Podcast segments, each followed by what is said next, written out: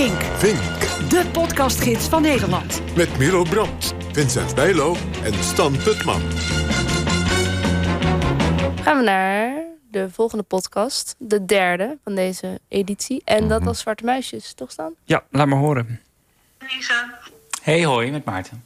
Hey, hoi. Ja, er is vast iets. Ja, er is iets, ja.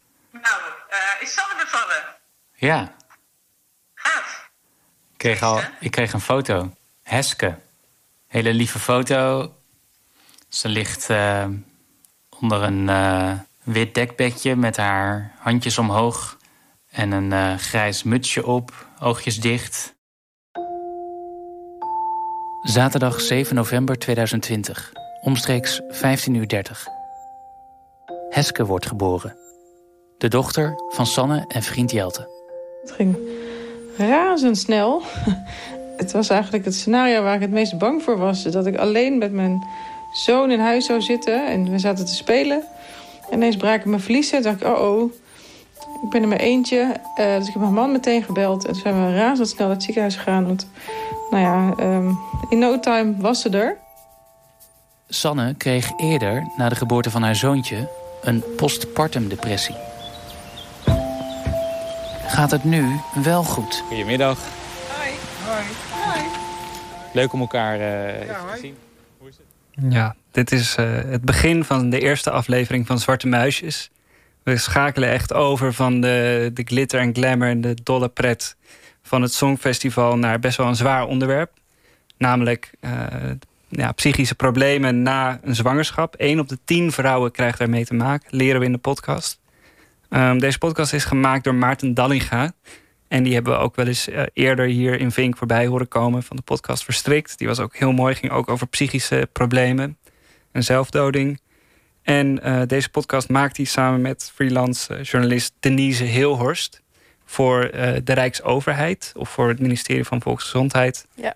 Binnen een campagne om meer aandacht te krijgen Waarom voor psychische jij- problemen. Waarom heb jij deze aangedragen? Want het is natuurlijk, je bent een, een man. Nou, dit is ook een mannenprobleem natuurlijk. Dit is, Ja. of dit heeft net, nou ja, dit is, dit raakt natuurlijk vooral vrouwen, maar er zijn heel veel eh, mannen die aan de zijlijn staan. Bovendien is het een maatschappelijk probleem. En ik was heel erg nieuwsgierig naar, eh, naar de podcast, omdat ik Maarten Dallinga ken als een hele goede maker. Dus daar was ik ook heel benieuwd naar. En was je aangenaam verrast? Ehm, nou ja, niet verrast, want, Niet ik, verrast, want het, ik vond hem wel goed. En het is echt ook weer een hele mooie, respectvol gemaakte, informatieve podcast. Ja. Hoe luister jij ernaar, Vincent? Ja, dat zeker. Eh, hij is informatief. Maar er lopen te veel lijnen door elkaar heen. Er, zitten drie verhalen door elkaar heen. Een verhaal van Sanne, een verhaal van Maria en een verhaal van Marieke. En het verhaal van Sanne en Maria is wat vergeleken met het verhaal van Marieke eh, vrij licht. En het verhaal van Marieke, die een psychose kreeg vlak na de geboorte van haar kind dat gaat zo door merg en been. En dat vertelt zij zo ontzettend eh, geconcentreerd en zo direct tegen ons. En er zit, daar heeft Maarten Dallinga zulke mooie stiltes in gebouwd. Dat ik dacht, al luisterende, omdat hij dan toch daarna moet hij toch weer terug naar die lichtheid. En wat mij betreft hoeft dat niet. Dus Maar wat bedoel je met lichtheid? nou, daarna gaat hij weer naar, naar, naar Sanne, waarmee nu met, die, met de geboorte van haar tweede kind niet veel aan de hand is. En dat gaat allemaal goed. Eh, Nou, ik vond het eigenlijk juist wel ehm, goed. Zeker voor een eerste aflevering. Omdat er blijkbaar zo'n veelheid aan problemen is die zich kan voordoen na een zwangerschap.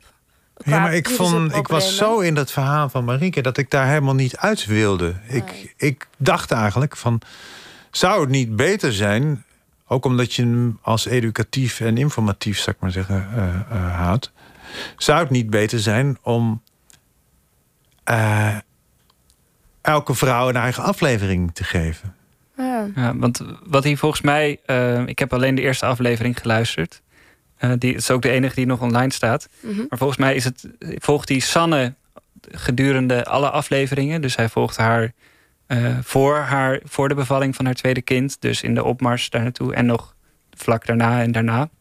En zijn uh, de andere vrouwen, zoals Maria, die aan bod komen, um, ja, zijn dat kortere verhalen binnen, deze, binnen dit programma. Ik heb nog wel een stukje van uh, haar. Niet het stukje wat Vincent net omschreef, maar volgens mij hoe die, haar vriend er daarna over vertelt. Nou, de eerste week, toen de kraamzorg er nog was, toen op een gegeven moment ging ik bijvoorbeeld de douchewand. Daar zitten natuurlijk kalkspet altijd op.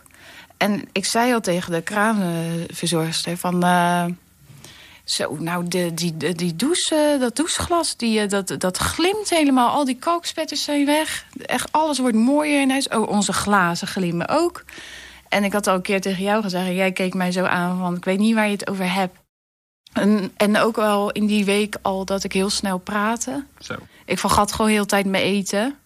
Dus dan was uh, alle tijd al voorbij. En dan uh, stond mijn thee daar nog koud of mijn eten koud. En ik ging ook opeens van alles doen.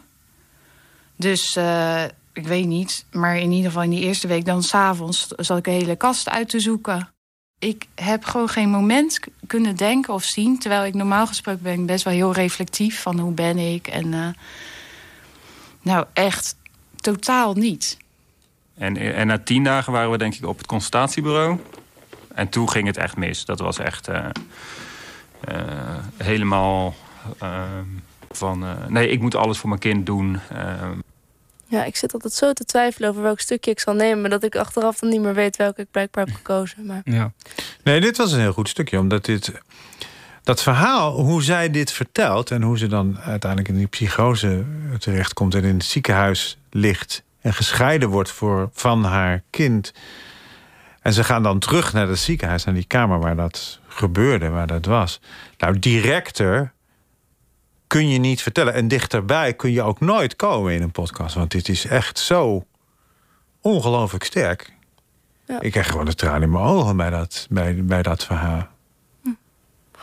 Ja, ik, wat ik er verder fijn ook aan vind, is dat het een man is die dit verhaal vertelt. Ja, sorry, ik zit een beetje op de genderverschillen blijkbaar. Maar ik vind het fijn dat het een man is die dit vertelt. Want anders heb je weer zo'n podcast over een vrouwenonderwerp die alleen maar door vrouwen wordt gemaakt. En ja, maar hij, zij, wat zij, zij vertelt, de, de kern. Hè? Nee, dat hij... klopt. Maar hij praat het aan elkaar. En het is alsof ja. hij er ook echt, nou niet alsof, hij is oh, daar hij is, geïnteresseerd in. Maarten Dallinga zelf. Bedoel. Ja, Maarten ja, Dallinga zelf. Um, en het is gewoon heel mooi gemaakt. En hij heeft een hele erg teruggehouden rol. Heel ingetogen. Ja, ja. Uh, ja. Het gaat helemaal niet over hem of over... Uh... Nee. En laten we even naar die titel. Zwarte muisjes. Ja. Ook fantastische titel. Macaber. Ook mooie wel. titel. Ja, ja, echt. Nou, vind ik echt een hele mooie titel. Maar het past heel goed inderdaad bij de veronderstelde sfeer. Namelijk feestelijk uh, na, het, ja. na de geboorte van je kind. ik wist niet dat de... het zoveel vrouwen trof. Ik denk dat is wel echt goed. Ook omdat dat gewoon meer bekendheid krijgt, denk ik. Want ik kan me ook voorstellen dat je gewoon kapot schaamt. Dat je niet blij bent met je ja. net geboren kind. Nou, dat is ook, uh, dat vraagt hij dan ook aan een van de, de geïnterviewden. Vind je het niet uh, spannend dat dit nu in de openbaarheid komt? Want zij is docent en dan zegt ze: Ja, mm. ik vind het prima als uh, studenten en mijn collega's dit horen, want het is gewoon een belangrijk. ja. En iedereen zag, iedereen dacht dat ik de allerblijste moeder was en de allerblijste zwangerschap had, maar van binnen ging ze kapot. Nou, dat is. Ja, er komt natuurlijk veel vaker voor, want er wordt natuurlijk een enorm beeld van geschetst. En een verwachting van de roze wolk. Ja, ja, ja. ja. Um, eindoordeel. Ja. Ik geef 4,5 ster. Ik vind het uh, op basis van die eerste aflevering, ik ga zeker doorluisteren. Um, ik vind het ook, je hoort nergens dat het een overheidscampagne is. Het is een heel ja. mooi journalistiek document. En uh, ga luisteren. Nou, ik vraag muisjes. me ook af of het een overheidscampagne is of dat zij subsidie hebben gegeven. Nou, het is wel echt, er zit een hele website bij en van, van okay. de, vanuit het ministerie. Dus ik hm. denk het laatste. Oké. Okay. Maar dat maakt niet uit. Nee. Um, ik geef vier sterren. Jij, Vincent? Ik ook vier. Ja. Oké. Okay.